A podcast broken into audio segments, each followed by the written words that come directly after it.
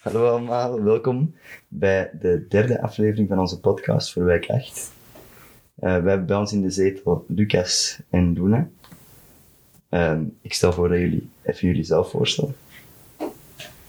Eh, ja, hallo, ik ben Lucas. Ehm, ik eh, zit in tweede jaar master in fotografie op KASK. En ehm, ja, ik ben hier samen met Luna om eh, een coöperatie te doen voor Wijk 8.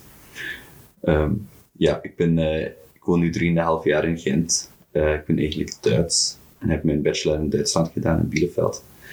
En ben dan voor Erasmus naar Gent gekomen en ja, dan blijven plakken. En nu zit ik nog altijd hier, in de zetel in Gent. Eh, ja, ik ben Luna. Ik zit in mijn tweede jaar mixed media ehm, op Sint-Lucas. Ik heb, er, ik heb vorig jaar mijn bachelor interieurvormgeving ook aan Sint-Lucas afgemaakt. En ehm, ja, ik ben nu dus mogen instromen in het tweede jaar. Ehm, ja. Oké, cool. Maar ben je wel Maar nog ik steeds vind dat- bezig met interieur, Ehm, vormgeving of... Nee, eigenlijk helemaal niet. Want ook zo het laatste jaar van de richting had ik, er- had ik het er wel echt een beetje mee gehad. En had ik merkte dat ik zo meer nood had aan vrijheid. Mhm. Ehm, en allee, want dat was altijd wel zo redelijk binnen de lijntjes of zo dat je moest blijven. En dan eh, nu ben ik echt, allee, goh, ik zou willen zeggen daar volledig van afgestapt, maar ik denk dat dat onbewust wel iets is dat in mij blijft zitten. Mhm. Ja. Het is meestal als je zo een, ehm, een heel het, functionele richting doet, dat dat wel iets is wat er blijft hangen. Allee, bij mij is het toch zo dat ik... Ik heb binnen interieurvormgeving dan zo'n werkwijze opgebouwd of zo. En, En zeker ook omdat dat een, een, toch wel een stuk van je leven is geweest, hè? Mhm, ja, om daarmee bezig te zijn elke dag. ja, inderdaad. Ik heb mijn bachelorproject mee, alleen mijn boek Mhm. van mijn bachelorproject. Ja. Eh, maar het ding is ook dat ik eigenlijk nu sinds eh, een jaar al, sinds corona, eigenlijk totaal niet meer fotografeer. Mhm. Allee, vooral door corona. Niet kan fotograferen of niet zo kan fotograferen hoe ik normaal gezien het doe. Eh, allee, ook omdat ik niet kan reizen. Ik mag eigenlijk geen mensen zien. Mhm. En de mensen is eigenlijk super belangrijk voor mij. Zo, ehm, of, eh, of ja, een gemeenschap van mensen, de maatschappij. Maar ja, omdat ik door corona eigenlijk zo de hele tijd hier in Gent ben. Ehm, en ja, buiten eigenlijk niet veel gebeurt, zo de buitenwereld een beetje stilstaat, heb ik gewoon zo totaal geen input. En dan raakt mijn camera eigenlijk totaal niet meer aan. En ben nu in de laatste maanden eigenlijk zo naar een dieptepunt waar ik echt zo met niets bezig was, zo begonnen gewoon ehm, zo met archieffoto's te experimenteren.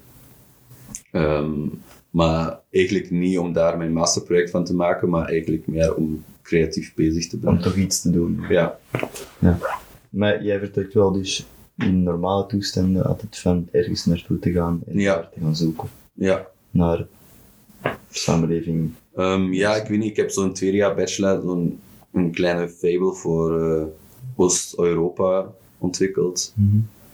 Ehm allee, zo post-Sowjetse ehm, landen, zoals Moldavië of Kaliningrad, allee, Rusland. En nu voor mijn master wou ik eigenlijk naar Azerbeidzjan, ehm, wat eigenlijk zo net tussen Azië en Europa ligt. En ook een deel van de Sovjet-Unie was, maar dan toch weer, ja, toch weer volledig anders is dan bijvoorbeeld Moldavië, wat nog zo dicht bij, bij ons ligt. Mm. Cool. Ja, maar dan eigenlijk zo ongeveer een jaar geleden wou ik vertrekken. En ik had ook al mijn research en alles eh, ja, gedaan. Dus zo begin ik eigenlijk meestal dat ik echt zo maandenlang research doe en probeer ja, echt ook dat land of de geschiedenis van het land te begrijpen. Of ook om de mensen een beetje te begrijpen en ook te begrijpen van oké, eh, daar komen ze vandaan en daar staan ze nu. En ehm, dat ik eigenlijk niet zo volledig. allee, ik ga altijd vreemd blijven in dat land als ik kom, als westerse eh, mens. Maar ik probeer zo een beetje voor mijzelf uit te vinden van oké, zo is misschien de mentaliteit of Ehm, ja, zo. En ja, dus één jaar geleden wou ik dan eigenlijk naar Azerbeidzjan vertrekken, maar dan kwam de eerste lockdown en eh, exact op het weekend van de eerste lockdown wou ik eigenlijk vertrekken. Ja. ja, dan was zo, allee, ik denk niemand kon toen nog weten hoe groot dat eigenlijk ging worden, de pandemie en zo. Ja. Dus ik dacht dan van ja, ik ga in, in oktober of september of zo vertrekken, maar ja, dan was al de tweede golf. Dan dacht ik dat ik nu dit jaar in, in de lente kon vertrekken en nu is de derde golf. En, De vierde golf komt er nog aan. ja. Nee, we weten het niet. Hè. Maar ja, ehm, ja, misschien moeten we dan eens even kijken in jouw publicatie of zo. ja, dat is goed. Welke neem ik? Eh, het eerste boek. Het eerste. Ja. Want ik heb een paar foto's geke- gekeken, allee, gezien op jouw Mhm. eh, Instagram. Dat zijn wel grave foto's. Ja, dus dat, ja, dat is eigenlijk mijn bachelorproject waar ik naar ehm, Kaliningrad ben gereisd. Mhm. En Kaliningrad is een, een eh, Russische exclave in Europa. Allee, het ligt tussen Polen en Litouwen en is zogezegd ja, geïsoleerd van de rest van Rusland. Mhm. Dus allee, geografisch niet verbonden met Rusland, maar nog altijd officieel een deel, een oplast van, van Rusland. Ehm, en ik vond het super interessant, ook omdat het eigenlijk nog voor de Tweede Wereldoorlog Duits was. Het was Pruisen. Ehm, en Kaliningrad noemde toen nog Koningsbergen. Mm. Ehm, en dan heeft de Rode Leger dat eigenlijk ingenomen in de Tweede Wereldoorlog. En dit is, eh, het, ja, wordt helemaal ehm, opnieuw opgebouwd met een Sovjetse ideologie. Ja, dus ook al de, Duitsers moesten vertrekken en ehm zij hebben, allee, Russische mensen zijn daar begonnen wonen. eh, beginnen wonen. Super interessant hoe het eigenlijk nu sinds de jaren 90 is dat de Sovjet-Unie niet meer bestaat en ehm, al die ehm, buurlanden eigenlijk nu een deel van de Europese Unie zijn, maar die kleine oplast nog altijd Russisch blijft en daardoor eigenlijk zo een eilandje wordt Mm. eh, in Europa. En ik vroeg me af hoe het voor de jeugd die zoals ik in de, in de jaren 90 is geboren, hoe het voor hun is daar eigenlijk op te groeien. Ehm, En hoe, hoe, hoe spreek je dan die mensen aan? Is dat echt de vraag van, wil jij voor mij poseren? Ehm, het is niet, allee, alle portretten zijn niet maar zo getrokken. Dus meestal ehm, ben ik echt een paar dagen samen met, met de mensen. ehm, voordat ik eigenlijk mijn eerste foto trek. Ja. Dus dat is niet maar zo op straat vragen van kan je even poseren en dan tot, tot nooit meer zo. Ja. Maar echt dat ik probeer de mensen te leren kennen en ook zo. Het, allee, het is heel belangrijk, vind ik, voor mij. En ik, allee, ik vind ook dat je dat in foto's kan zien als mensen je vertrouwen. eh, als, je, als je ze fotografeert. Ehm, en, want ik be- beeld me ook altijd in, zou iemand mij op straat vragen, mag ik een foto van je trekken? Zou ik ook denken, wie ben je en wa- waarom? En, dus ik probeer eigenlijk de mensen zo te overtuigen van dat ik, en, ja, dat ik iets zie in hun eh, wat ik interessant vind. En, ja. Ehm, Oké, dat is wel cool. Maar, ehm, en hoe, hoe leer je dan die mensen kennen? Ehm, nu had ik zo een paar contacten van een vriendin die ook met mij ehm, ehm, gestudeerd had in Bielefeld. Eh, ik had zo'n paar contacten van, van jongere mensen en dan was dat eigenlijk meer zo. En met hun heb ik dan afgesproken en eh, met hen heb ik afgesproken. Ah nee, nu mag, nu mag alles, hè? Met die grammatica. nu mag hen en hun. Nee.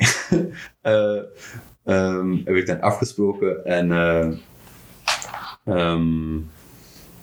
Ehm, ja, dat was een beetje zo'n domino-effect. Ja. Ze, ze, allee, ze kennen mensen die weer andere Ja. mensen kennen. En dan zo doorverwijzen. Ja. Of, maar sommige mensen heb ik ook gewoon in een bar leren kennen. Ik ben gewoon s'avonds alleen in een bar, naar een bar gegaan. En heb dan ja, mensen leren kennen. En ja. Eh, Dus komt wel meer bij kijken. Ja. een heel sociaal persoon zijn op die manier. Ja, eigenlijk sociologie en fotografie hebben toch nog wel veel Ja. met, de- met elkaar te maken. Ja. Ja, ik denk, eh, je hebt echt zo, zo die twee soorten fotografen, denk ik. Allee, zo die, eh, ja, die fotografen die zo echt voor het galijn zijn en dan ook eh, zo, ehm, ja, eigenlijk zo helemaal van buiten proberen te observeren.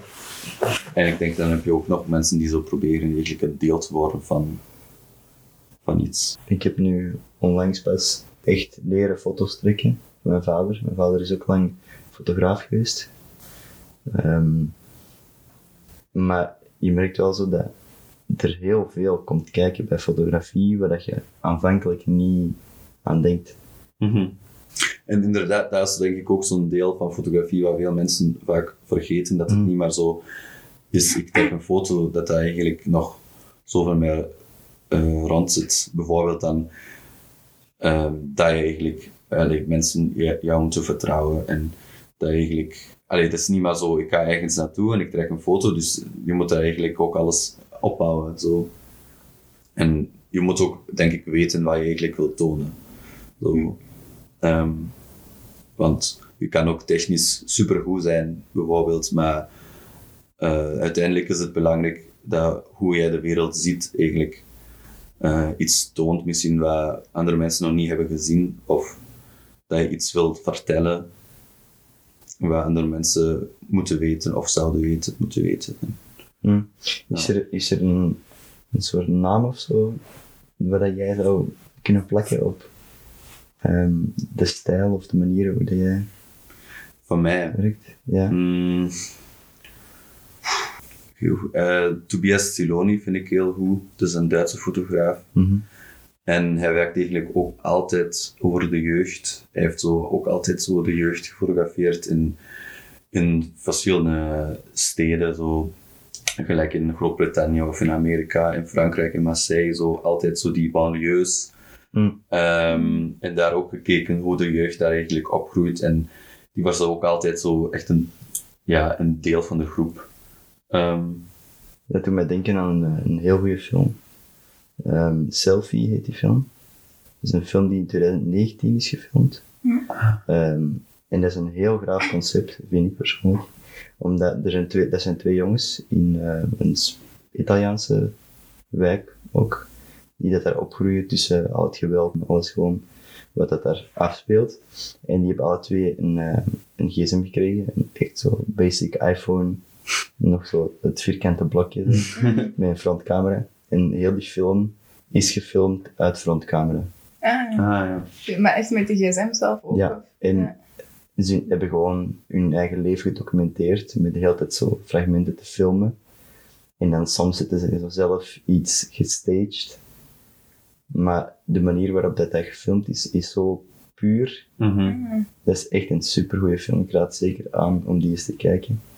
Ja. Dus eigenlijk is er, niks, is er niks van cameraman of zo aan te pas gekomen. Nee. Ah, Ehm, en de beelden die er dan buiten zijn, van, ehm, van, van, de, allee, van de wijk waar die zij opgroeien, zijn meestal van ehm, camerabeelden of tv-beelden. Of, en dan waarschijnlijk zullen er wel sommige beelden zijn dat ze hun, allee, de regisseur zelf zijn gaan, zal zijn gaan maken, maar nooit van de jongens. ja. Ah, ja.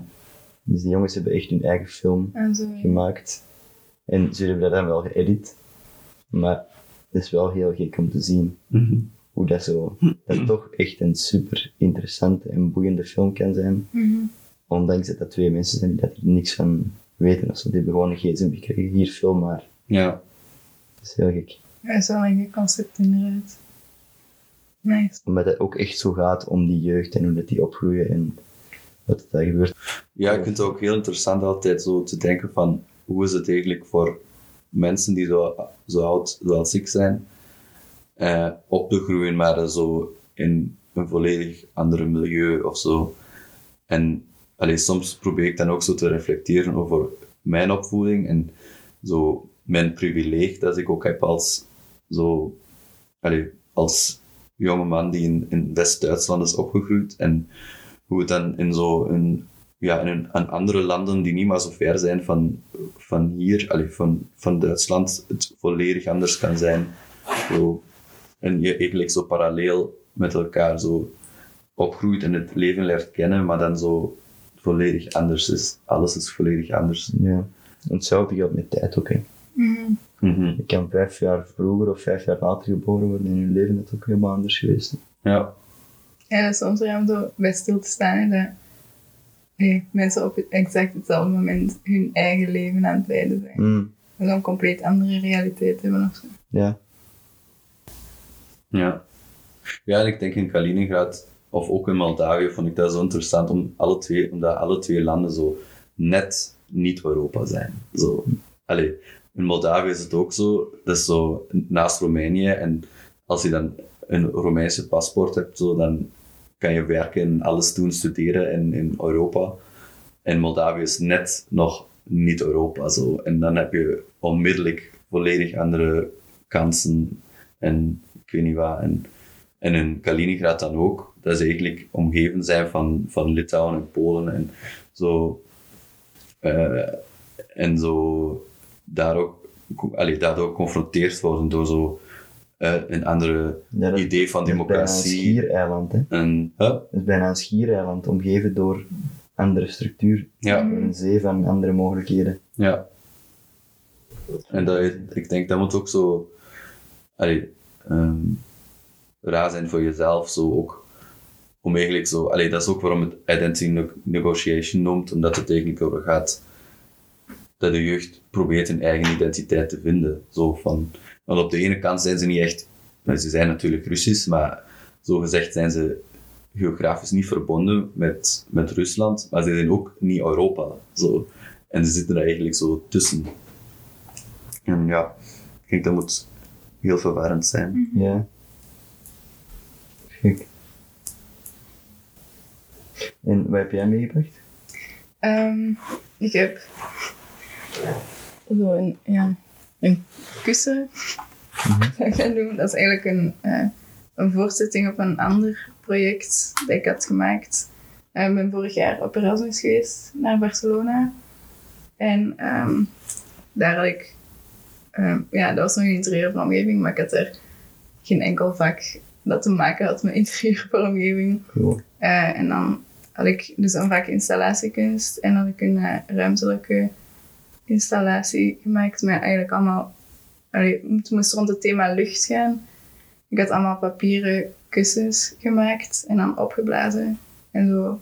Allee, ik denk dat er honderd waren in totaal, dus ik had papier uitsneden, dan genaaid en dan opgeblazen en dan allemaal... ehm ja, lagen allemaal op de grond. En eh, ja, dit jaar heb ik daarmee verder gewerkt, omdat ik ehm,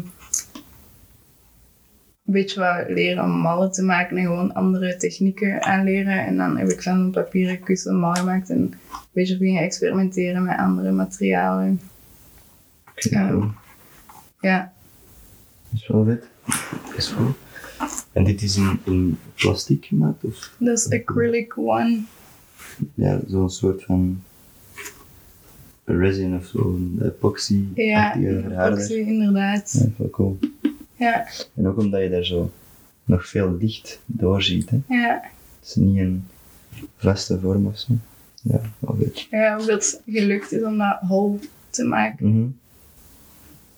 Hoe, heb je, hoe heb je dat gedaan? Heb je daar iets in gestoken of heb je Nee, het overgevuld? Ik had ehm, zo een van die papieren kussens helemaal verhard met, ehm met textielverharder eigenlijk. Mhm. En dan daar een mal van gemaakt. Maar dus, eh, en die mal bestond uit twee delen. Dus dat was sowieso hol van Een binnen. siliconenmal of? Ja, een siliconen mal. Ehm, en dan ja, moest, moest ik gewoon beide kanten van die mal vullen. En dan Ja. allee, zo een beetje laten uitharden, dat zo niet meer helemaal vloeibaar was. En, gewoon op elkaar. Ja, Cool. Ja, zo vet. Ja, ja, dat is wel leuk. Zo echt een nieuwe techniek. Dat is ook iets dat we nu voor de expo ook gebruikt hebben. Malen. Mhm. Kijk, wat terug gaan. ja. Het is altijd gevaarlijk met zo'n dingen. ja. Je moet niet kapot maken. hè. Het is niet zo fragiel. Ja. Zijn twee. Ehm, o- over wat ging jouw tekstje eigenlijk? Wat, hè? Jouw tekstje, je had een tekstje gemaakt. Dat was gewoon een, Ah ja, eh, voor ehm, de tekst over onszelf. Ja. Ja, dat was dus, gewoon een tekstje over jou. ja, wat ik normaal gezien doe. En ehm, Mhm. ehm, ja, eigenlijk ook over die, ja, die documentaire werken die ik tot nu toe heb gedaan. En maar uiteindelijk dat het ook nu voor de coöperatie met Luna dingen zijn die ook volledig nieuw voor mij zijn. En eigenlijk uit mijn comfortzone zo'n beetje.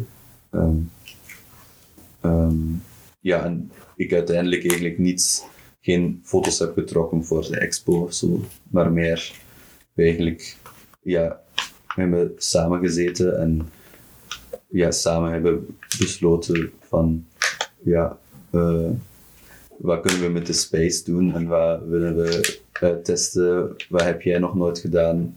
En ja, zo begon dat eigenlijk. Ja, En hoe is jullie, ehm, jullie samenwerking eigenlijk van start gegaan? dat was eigenlijk, ik denk vorige lockdown, hebben we elkaar zo, allee, we kennen elkaar wel een beetje. Allee, ik bedoel de eerste lockdown, vorig jaar. Eh, en dan hebben we eigenlijk de eerste lockdown zo wat samen gespendeerd en besloten van, we gaan ooit samen eens een project doen. Ja. En dan kwam het eigenlijk dat ja, Sander mij vroeg of ik iets zou doen voor wijk 8. En ik zei van ja, graag. En dan heb ik onmiddellijk Luna gevraagd of we dat niet samen willen doen. Ja, Ja. het kwam er ook zo... We hadden wel heel lang dat plan om dat samen iets te doen, maar het kwam er like, nooit van en was dit zo like, de ideale opportuniteit. Ja. En dan zijn we eigenlijk gewoon ja, beginnen eh samen zitten en telkens materialen meegebracht dat we interessant vonden en echt ja, er een beetje aan begonnen met gedacht van we gaan ons amuseren en wat experimenteren Ja. en gewoon zo Die dingen. spelen. Ja, Ja. inderdaad. ja, en we hebben dan geprobeerd zo een thema te vinden waar we rond wilden werken. En dat was dan zo... Allee, het kwam dan zo uit dat we zo ehm, iets over distortion en deconstruction wilden doen. Eh, zo meer zo als proberen zo een rode draad te vinden. Ehm, maar nog altijd heel vrij te blijven. En dan hebben we zo, ja, altijd probeert die dingen daaraan te linken, zo'n beetje. En is het belangrijk voor jullie om ehm, iets te doen nu, wat dat alle twee zo niet in jullie comfortzone ligt? Die distortie en... Ik denk niet dat we er echt super bewust mee zijn omgegaan. Met zo van buiten onze comfortzone. Ik denk dat. Nee, dus dat dat niet. Ik denk dat dat voor Lucas meer het geval is dan voor mij. Maar allee, ja, we hebben wel echt nieuwe dingen gedaan dat ook wel Mhm. nieuw waren voor mij. Ehm, maar het, ja, het, was echt eerder gewoon samen zitten en doen en ons amuseren en dan ja, zien wat eruit komt. Ja. ja, inderdaad. Ja. Dat is gewoon voor mij, omdat ik, allee, zo ook de, ehm, ja, ik had zei, zei dat al een beetje zo, met, als je fotografie eh, studeert, dan denk je altijd heel hard zo in kaders. En dat is dan zo, of je bent conceptueel, of je bent een documentaire fotograaf.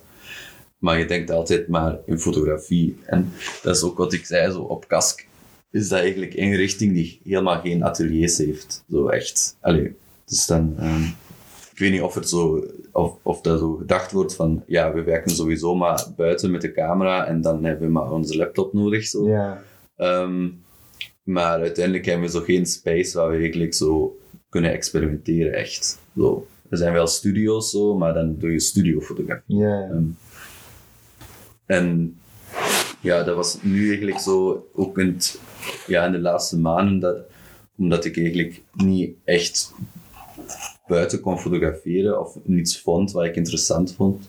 ehm, dat ik eigenlijk zo dacht van oké, wat kan ik misschien op mijn kot doen en hoe kan ik rond fotografie werken zonder eh, zelf te fotograferen. En, Dat is wel jammer, hè? want op zich, Kask is een super grote school. hè. Er is enorm veel plek. En ehm, ik denk ook zeker als masterstudent dat je wel kan vragen Mhm. om een ruimte te krijgen waar dat je in mag experimenteren.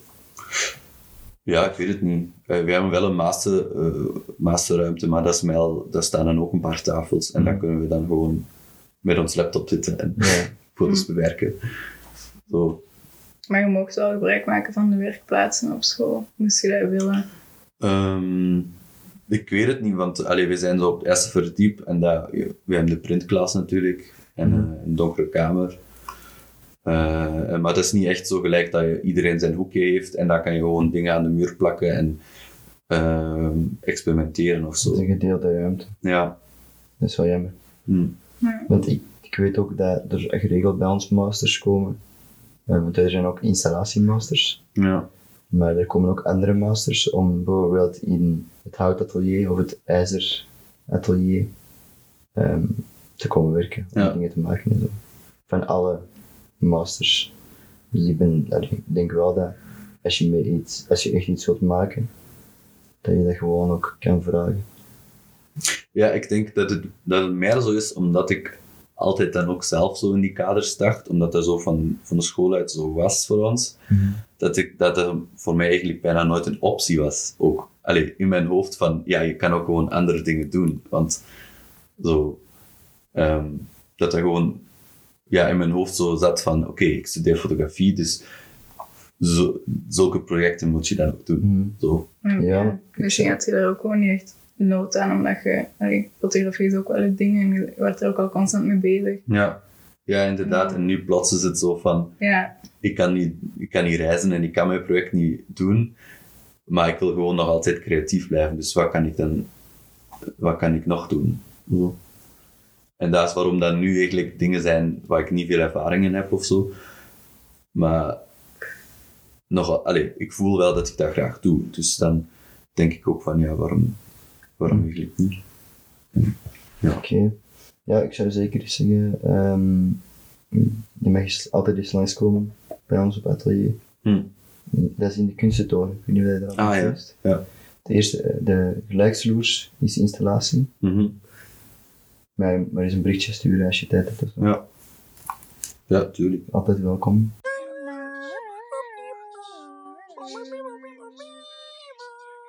niemand is zich bewust van wat je doet met je handen. Ja. hè. Dat is iets mega automatisch, maar dat vertelt wel veel of zo. Allee, dat, dat is echt... Allee, dat is like een eigen... Allee, als je echt enkel focust op de handen, is dat like een eigen leven of zo. Hm. Ze zijn wel constant in beweging. Ja, er is nu ook zo, ehm, onlangs heb ik dat gezien, waar, dat was iemand die daar research had gedaan naar ehm, de handshake. En, ja, en dat was wel cool. Dat was eerst zo'n performance, er is zo'n performance gemaakt en op de verschillende manieren dat iemand zijn hand schudt. En zo rond een tafel en zo formeel en altijd kijkend naar voren of zo, dat soort dingen. Mhm. En hoeveel dat zo een hand, het schudden van een hand, Wat dat eh, dus kan zegt. zeggen over wat het er eigenlijk gaande is tussen de twee personen. Mhm. Heel graag. En ook dan zo het hele, ehm, het hele verhaal erachter. Het is ook gek dat je ehm, ziet in de geschiedenis dat eh, het handschudden iets is wat op verschillende plaatsen ook is ontstaan zonder dat die culturen Geconnecteerd. elkaar Mm. kent of zo. Ja, En dat dat een algemeen ding is geworden. ja, ja. Het schudden van een hand. En ze zeggen dat, begroeting. ze zeggen dat ook altijd. Allee, dat, is zo, dat wordt ook altijd iedereen aangeleerd, dat je zo'n stevige handdruk moet Ja. hebben. Ja. Zo'n slappe handdruk zou er betekenen dat je een slappe geest hebt of zo. Ja, Ja. inderdaad. Zo geen sterke persoonlijkheid. Mhm. Mhm. Maar ik moet ook zo aan zo propaganda denken. Allee, Ja, ik vind dat is ook echt zo'n symbool van macht. Zo, zo de handshake. Dat is zo'n stevige handdruk. ja, Ja, zo, zo, we maken een is like zo deal. een- Zo, ook een beetje een power move of zo. Mhm. Allee, dat gelijk zo. Ik heb altijd als ik mensen een hand moet geven, Mhm. dat dat lijkt zo. eh, als die dan echt zo'n stevige handdruk geven, dat dat lijkt zo een beetje een power move is of zo. Zo. Allee, als die echt Ja. zo hard knijpen en dan. Maar je kan er zoveel mee tonen ook. Hè? Bijvoorbeeld, allee, was dat niet met Trump en Merkel of zo? Dat Trump Merkel gewoon niet de hand gaf. Ja. Mhm. Ja. En dat, daarmee kan je al zoveel tonen. Zo van, zo, ja, dat spreekt, Ja. dat spreekt meer dan woorden. mhm. Lichaamstaal is eigenlijk duidelijker dan woorden. Ja. Een Toon, een vriend van ons, dat is vooruit. Hij, ehm, goh, die moest eens met zijn oma naar de kerk of zo. Voor- Ik denk dat dat hier in Gent was. En de, die oma kende de, de priester. Mhm. En die eh, gaf zo'n hand. En die priester deed zo met zijn hand, dus zijn hand naar boven, om zo aan te tonen van, ik sta boven u. Mhm. Ik vond dat ook echt zot. Blijkbaar doen priesters dat. Dus als je een hand geeft, En dan zo uw hand er terug boven zit. zo. Beetje vechten. Ja. Dan Ja. de bovenste positie hebben. Ja, Dus die psycho, allee, die psycho daarachter is eigenlijk super gek. mhm. Of zo, die schilderij van Michelangelo, zo. Waar Jezus en God zich zo de hand willen geven. Ja. zo, kunnen aanraken. Ja. Handig. ik denk dat eh, de wekker die jij maakt ook wel heel veel tactiliteit of zo ja, hebben. En dat het ook vaak gaat over zo die kleine. misschien iets zo. Mhm. Maar dat is dan wel leuk om te zien dat het, dat esthetische, dat gevoelige, wel zo nog een beetje in contrast staat met eigenlijk de rauwheid van jouw manier van fotograferen, die, die rauwe thema's. Mhm. Ja, dat is waar. Ja. Maar nu, wat we eigenlijk doen voor wij kaart, is ook nog zo een mix. Mhm. Sommige dingen zijn eigenlijk zo redelijk koud of zo. Maar dan dat ding met dat doek is eigenlijk weer zo gevoelig. ja, De stof en... ja. Ja, ik denk dat het inderdaad wel echt een mix is. Allee, ik heb daar niet echt bewust over nagedacht of zo, of echt bij stilstaan, maar ik denk dat het inderdaad wel echt een mix is van ons twee samen, dat dat wel goed gelukt is of zo. Ja. En jullie exposeren nu van 30 Ja. april tot 2, 2 mei. 2 mei. Ja. Is dat eigenlijk aan het opnieuw? Dus altijd aan het opnieuw. He tricked us. Dat is wel enorm. En bij u ook, hè? Wel vrij buiten onze comfortzone, maar Om Dat zo is te spreken. ja. Ja, ik- ik, het ding wat ik leuk vind aan dit soort projecten of zo, ehm, is dat soort gesprekken te hebben, waarin je zo meer echt actief denkt over hetgeen wat je wilt zeggen. Maar dat zorgt er ook voor dat je zo te veel iets wilt zeggen wat dat nut heeft of zo. Ja, ja, Dus tuurlijk. Ja. daar snap ik dan wel dat mensen, er zijn veel mensen die daar ook moeite mee hebben. Hm. Ja, Sadran is wel dat ook al gezegd iedereen al echt stress had voor de Ja. podcast die dat al heeft moeten doen. Ja, dat is gek eigenlijk. hè. Want ik heb zelf zo geen stress om te spreken, maar ik heb wel stress om zo op uiteindelijk dan op een gesprek te komen dat zo niet allee, genoeg ehm, waarde heeft of zo. Ja, Ja. om zo aan de buitenwereld. Ja, want dan heb je zo'n uur van een gesprek waar het zo weinig Ja, weinig inhoud. volume of zo. Ja. Ja.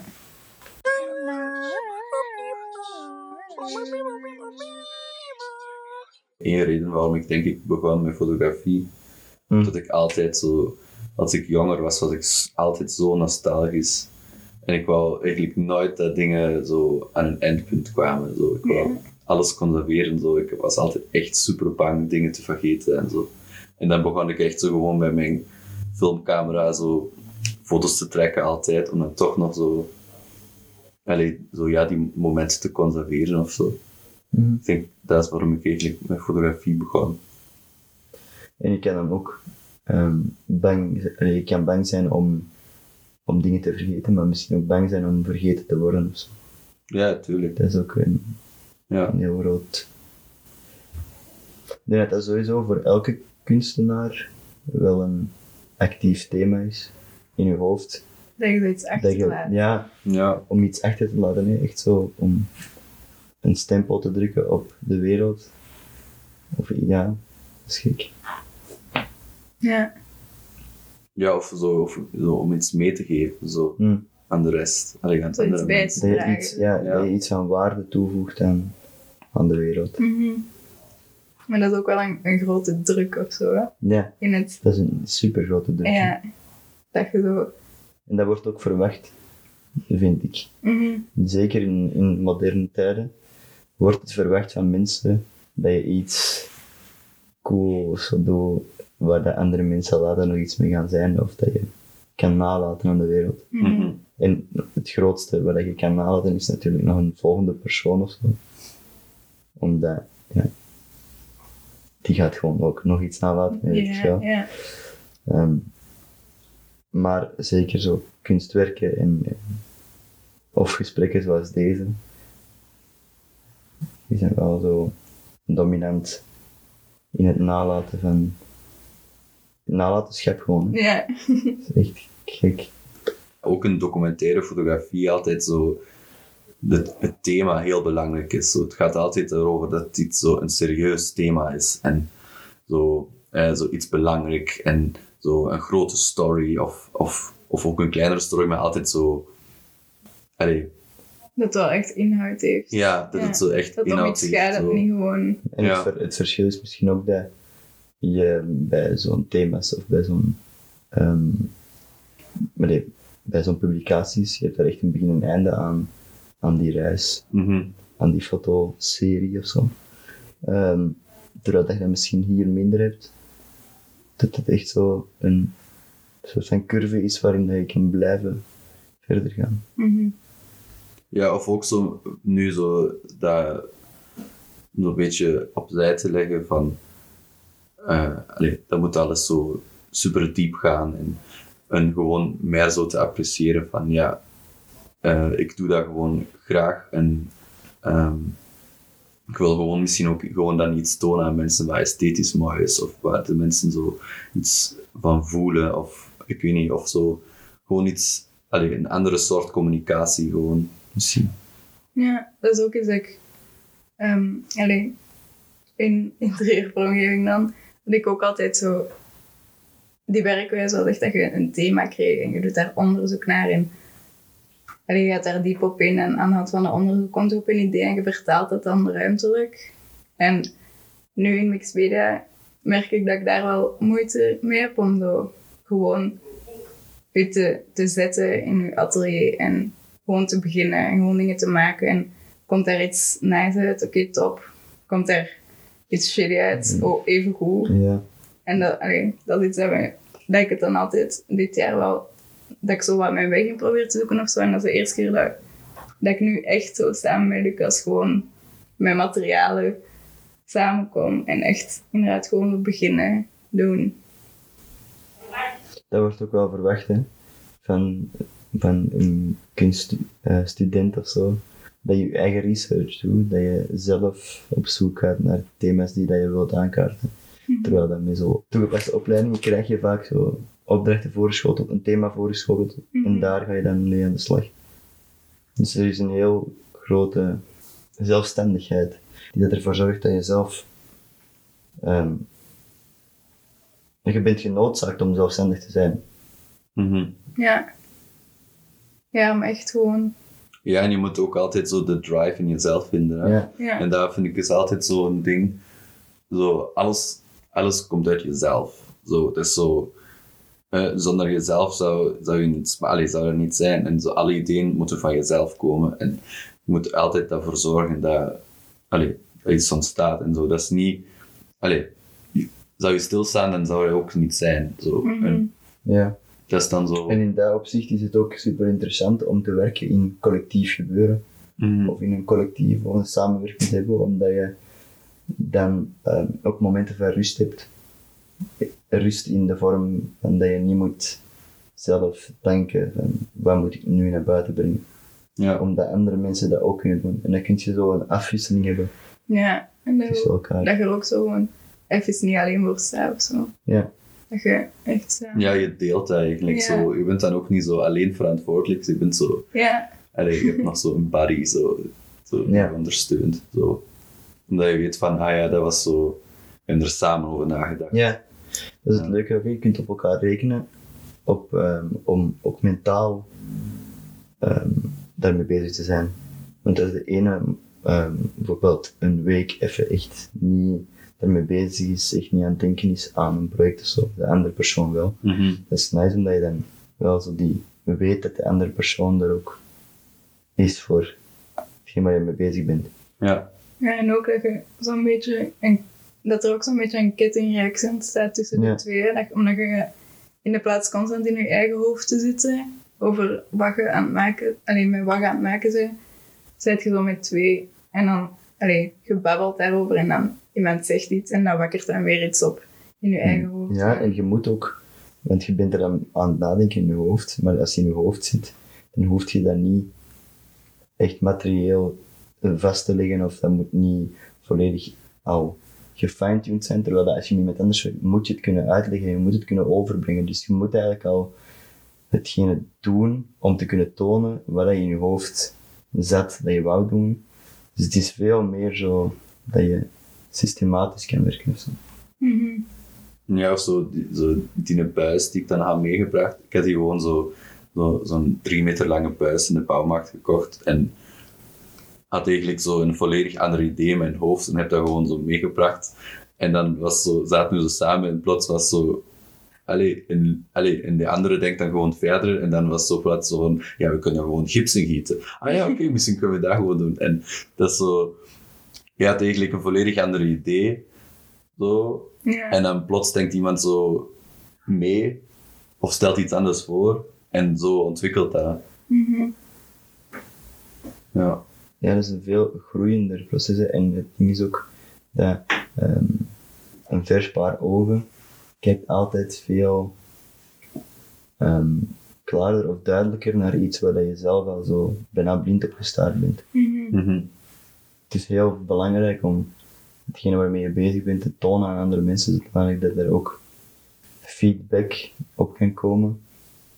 Ja, dat is ook wel een beetje een, een probleem nu met corona. Dat, Mm. allee, dat Ja. ik ondervind en ik denk heel veel mensen, dat ik mijn, allee, mijn klasgenoten ook, gewoon dat je niet meer samen in het atelier zit en dat je niet gewoon even met elkaar kunt gaan babbelen en even zo, allee, naar elkaars werk kijken en gewoon een conversatie daarover hebben. Ja. Want normaal, je haalt er superveel uit, zoals je net zegt. Hè. Als je je bent blind gestaard op iets en je hebt daar dan een conversatie over met iemand anders, zodat veel natuurlijker gebeurt in een alleen atelier op school. Alleen, en nu valt dat weg met corona, waardoor dat iedereen het op dat Juist, vlak wat ja, moeilijker heeft. juist ook in een tijd waarin je merkt dat meer en meer zo dat format van samenwerken ehm en collectieven een superhoge rise maakt in de kunstwereld. Ehm, tegenover vroeger, dat je meestal dan zo één figuur had en die maakte coole dingen.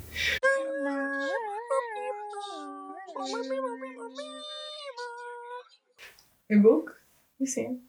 Eh, ah ja, wat ik heb meegebracht nog. Ja, dat is dus eigenlijk een boek dat ik hier eh, in de Afrika-laan in de tweedehandsshop heb gevonden. En dat is een heel groot, dik boek van, ik denk, 1500 pagina's of zo. Van 1942. ehm, met allemaal oude krantenartikels en ehm, heel veel foto's, heel veel materiaal. ehm, waar ik eigenlijk... Allee, ik was geïnspireerd door Thomas Verhoef, die ook een eh, tentoonstelling had in Düsseldorf, allee, waar ik ben opgegroeid. En eh, die eigenlijk al, ik denk, in de laatste 30 jaar gestopt is. Allee, niet meer fotografeert en alleen maar nog met archiefmateriaal werkt. En omdat hij op één moment zelf zei van, ja, ik, ehm, ik heb er geen nood meer aan zelf te fotograferen. Er bestaan al zoveel interessante foto's in de wereld en er is zoveel informatie al. Eh, allee, vooral als het internet opkwam zo. Ehm, ja, en dus dat was eigenlijk zo mijn idee ook een, allee, of een inspiratie nu in de coronatijden, waar ik niet meer zelf kon fotograferen zo echt. Dat ik Mhm. eigenlijk dacht van oké, misschien zoek je een keer naar beelden die al bestaan en kijkt wat je daarmee kan doen. Eh, En Ja. bedoeling is dan om daar een nieuwe publicatie van te maken. Of nee, gewoon om die andere context te geven. of zo. gewoon omdat ik zelf geen nieuw materiaal produceer, momenteel eigenlijk nog altijd naar materiaal zoek. En dat eigenlijk nu mijn, mijn materiaal is om, ja, om mee te spelen en gewoon ook een beetje te testen eh, op hun, eh, op hun autonomiteit. Ja. Ja. Hoe autonoom een foto kan zijn. Ja. Ja, dat is wel interessant. Ja, inderdaad. Ja, en wat je ook zo gewoon kan zien dat eh, welke waarde eigenlijk foto's hebben en, en welke impact ze kunnen hebben. Zo. En ja, onmiddellijk zo, daardoor dat we altijd omgeven zijn van zoveel fotografie, wij eigenlijk al foto's op een bepaalde manier lezen. Zo. Ehm, of bepaalde links dan maken zo, van andere foto's die we al hebben gezien, maar uiteindelijk helemaal niet weten dat dat ehm, iets met te maken heeft met de eigenlijke context. Zo. Ja, Bijvoorbeeld, ja. Dat is vaak dat je zo van die krantenartikels met foto's die dan worden bijgedaan. Ehm, maar dat zijn dan foto's die daar uit een publicatie komen van iets helemaal anders. Hè. En hoe dat dan die twee dingen altijd samen worden gezet, maar eigenlijk apart. Weinig misschien, Eigenlijk geen relatie hebben ja, weinig relatie hebben. Ja, of zo, zo stokfoto's die gewoon zo worden gefotografeerd en dan van de redacties worden gebruikt voor volledig andere contexten. Zo. Mhm. Ik heb er één keer een werk gezien, dat ging dan gewoon, we hebben zo één stokfoto gebruikt van zo'n gelukkig familie, zo twee, de ouders en twee kinderen, en die zijn zo super gelukkig en zo lopen zo door een cornfield zo. Mhm. En dan hebben ze eigenlijk zo geprobeerd eh, op Google ehm, webpagina's te vinden waar dat beeld voor werd gebruikt. Zo. En ja, en je, je vond dat altijd terug zo op verschillende pagina's. Zo bijvoorbeeld van een verzekering, maar dan van een beeld over voeding of over rugpijn, want die vader had zijn kind eh, op zijn rug. Zo. En het was altijd dezelfde foto, maar gewoon in een Compleet, compleet andere andere contexten. Dat is ook wel nog leuk om te doen, denk ik. Als, ehm, als werk echt. Om zo een, ehm, ja, één beeld te hebben, echt zo'n stock image. En zoveel mogelijk artikels of, of, ehm, of dingen te schrijven. Dat zouden kunnen gerelateerd zijn. Ja, inderdaad. Ja, ja. Dat is echt zo op zoek gaan naar hoeveel informatie er schuilt in één foto. ja. Ja, en ik denk dat is ook wat mensen heel vaak vergeten, dat ze eigenlijk nog zo denken, fotografie toont me eigenlijk zo de realiteit, maar, allee, of ook dat fotografie objectief is of zo, maar wat eigenlijk helemaal niet klopt. Wat eigenlijk zo in fotojournalisme je ook kan zien, zo die, die informatie die we krijgen eigenlijk van, van een oorlog of zo, of van een conflict, of ook zo met de refugee crisis, met dat kind dat op, op strand lag Mhm. en zo dat dat eigenlijk maar zo een klein momentje is uit het heel verhaal. Zo. En uiteindelijk worden altijd dezelfde beelden gebruikt die het meest dramatisch zijn of die eh, mooi gecomponeerd zijn of zo. Ehm, maar ze tonen altijd maar zo een klein, klein stukje van het verhaal. Mhm. Zo, je had dat ook zo met, met 9-11, ook zo dat beeld waar zo die man van de Twin Towers valt. Ken je dat? Zo de Falling Man. Ja. Uiteindelijk heeft die fotograaf 20 foto's gemaakt. Zo. Eh, waar, waar je de man eigenlijk kan zien die volledig anders valt en zo. En uiteindelijk heeft al, is dat het meest bekende beeld geworden, omdat dat het mooiste is, zo, omdat die man daar eigenlijk zo, ja, zo, ja, het mooiste valt, zo gezegd, zo, en zo stil valt. Mhm. Ehm, maar je beseft dan niet van, oké, wauw, dat is eigenlijk maar zo een kleine eh allee, essence, ja, zelfs niet de essence, maar zo zelf, maar zo fractie. een fractie van, van het hele verhaal en van alles. Ook zo met, met de World Press Photo Awards, dat Hm. het eigenlijk altijd zo dezelfde soort beelden zijn die, die, die winnen. ja. Zo.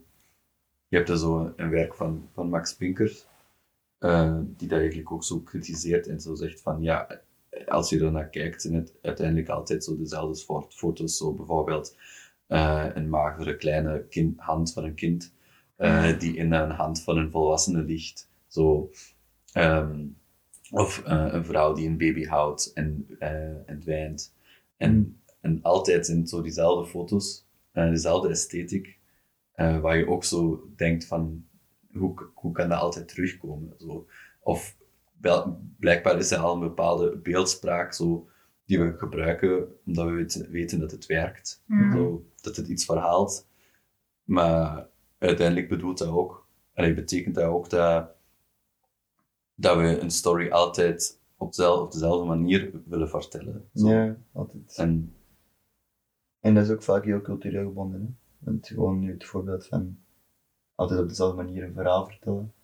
Ehm, ja, je kunt dat ook terugleiden naar hoe dat wij lezen. Wij lezen van links naar rechts. Want er zijn heel veel culturen die van rechts naar links lezen. En daarin is het wel interessant om die hun fotografie of die hun verhalen te analyseren. Omdat die dat helemaal anders vertellen met een andere essentie of een ander doel voor ogen dan dat dat bij ons gebeurt. Ja. En dan heb je wel zo dat verandert. Ja, maar is gek hoe dat heel veel kunst ook tegenwoordig ehm, vaak kunst probeert te zijn, omdat je weet hoe dat kunst er zou moeten uitzien, Mhm. terwijl het dat niet zozeer is wat je wilt maken misschien. Mhm. Ja, inderdaad. Ja. Maar dat is ook, al- allee, dat is ook altijd zo, denk ik wel, allee, wat voor jezelf als kunstenaar ook zo, ehm, zo stresserend kan maken. Zo van, ik moet altijd zo, ik moet het opnieuw wat vinden. Zo, allee, Ja. Ik moet dat wiel eigenlijk zo eh, nu beginnen uitvinden. Ja. Zo. Ja. Want alles, alles, bijna alles werd al gedaan. Zo. En je denkt altijd van, ja, het moet anders zijn en het mag niet, moet vernieuwend zijn. ja, het moet vernieuwend zijn. Dat wordt ook verwacht van, van, zeker van ons als jonge garde, om het zo te zeggen, dat wij altijd met, nieuwe, met nieuwere dingen gaan komen of, of nieuwe ehm, toepassingen gaan vinden.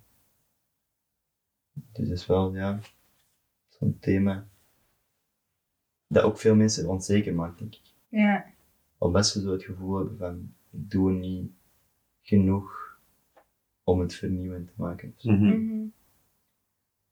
Terwijl dat je dan eigenlijk bepaalde ideeën of bepaalde dingen misschien niet laat ontkiemen omwille van eh, dat idee, ik moet niet vernieuwend zijn. Ja. Ja. Ja, Dat is inderdaad. eigenlijk jammer. Ja, en ook gewoon altijd met, met gedacht van, ah, maar... Allee, misschien werkt dat gewoon niet of zo. Allee, zelfs ja?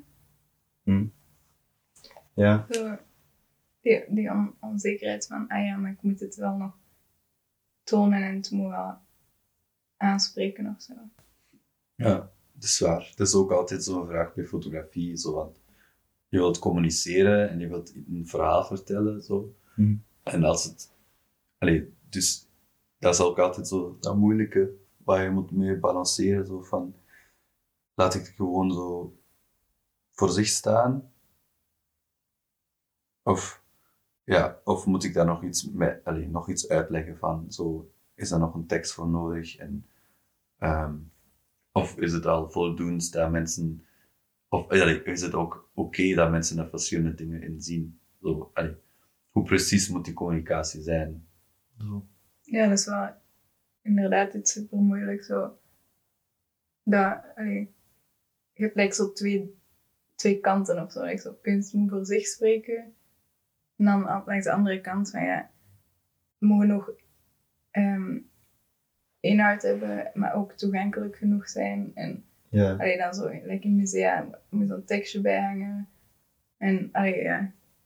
Het is een fijne, een fijne lijn. hè. En Mhm. ik denk ook dat er geen definitie voor kan zijn of zo. Je kan, kan ook communiceren op verschillende manieren. Hè. Zo, als je op een emotionele manier wil communiceren, dan moet je misschien ook niet zoveel uitleggen. Dan is het meer van, ja oké, ik wil gewoon zien waar mensen daarbij voelen. Zo. Ja. Maar als je echt informatie wil geven of zo, dan is het een andere communicatie. Dan moet het werk ook anders Ja, tuurlijk. eh, Ja. functioneren. 20 voor. Echt? Ja. Ah, oké. Ja, eigenlijk moet ik toch. Sorry. Dat je mag vertrekken hoor. Het is fijn om... eh, Het is aan jou, Luna. Salut. ja, je bent nog eventjes verder dan dat jij wilt. ja, dat is goed.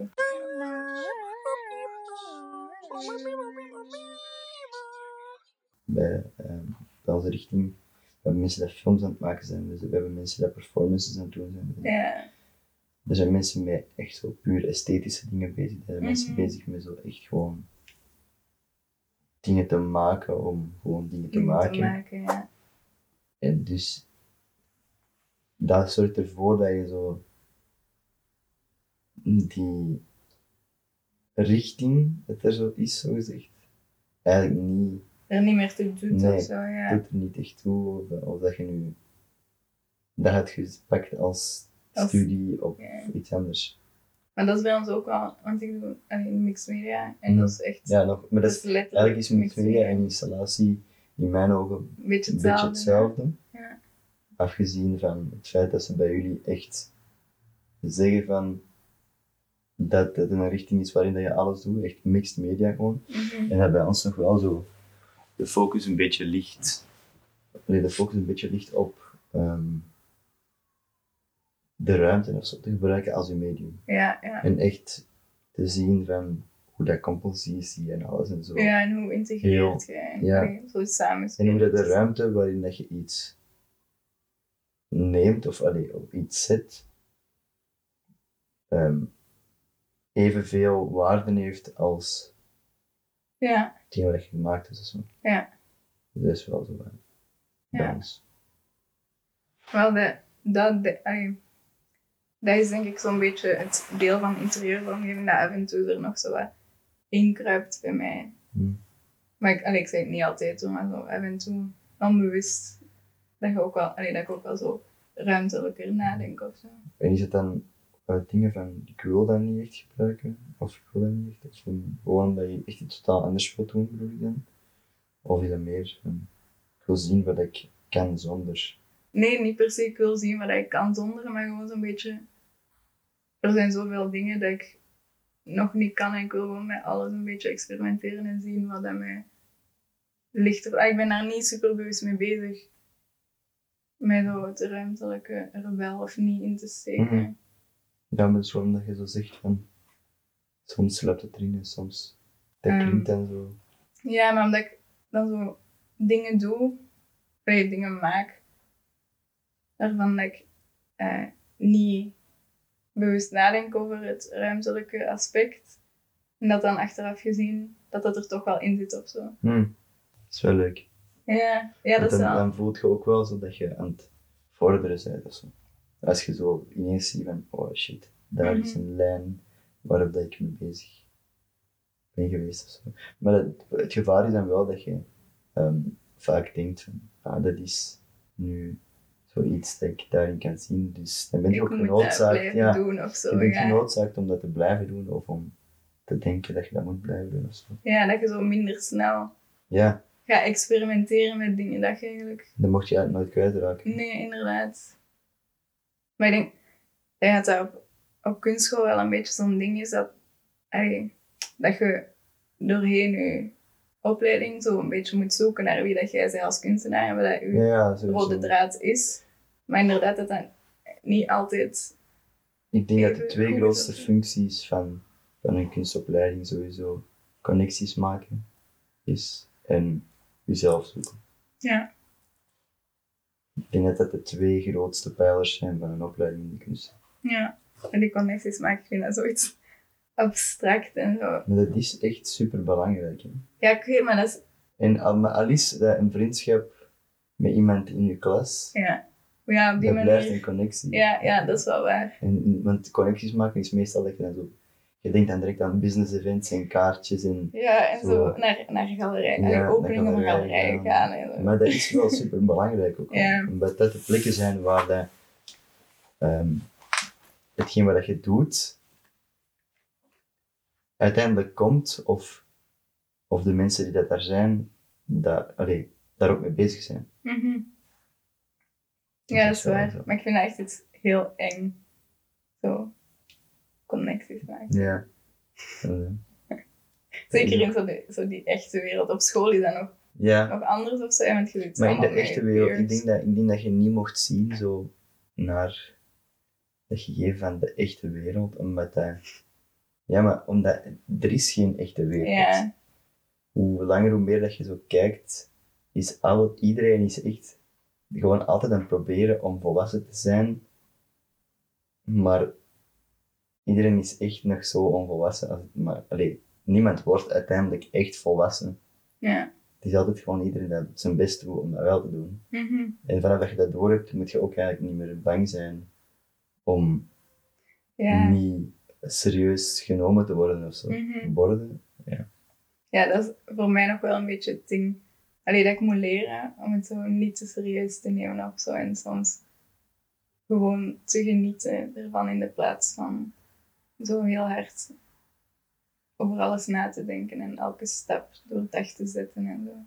Ja. Want dat is iets dat ook wel vaak voor een blokkage zorgt of zo. Nee, dat is zeker. Zeker. Hm. Lucas was daar net al vertrokken. Ja. Uh, misschien dat jullie er waren. Dat een fijn gesprek. Oké, salut. bye bye. bye bye.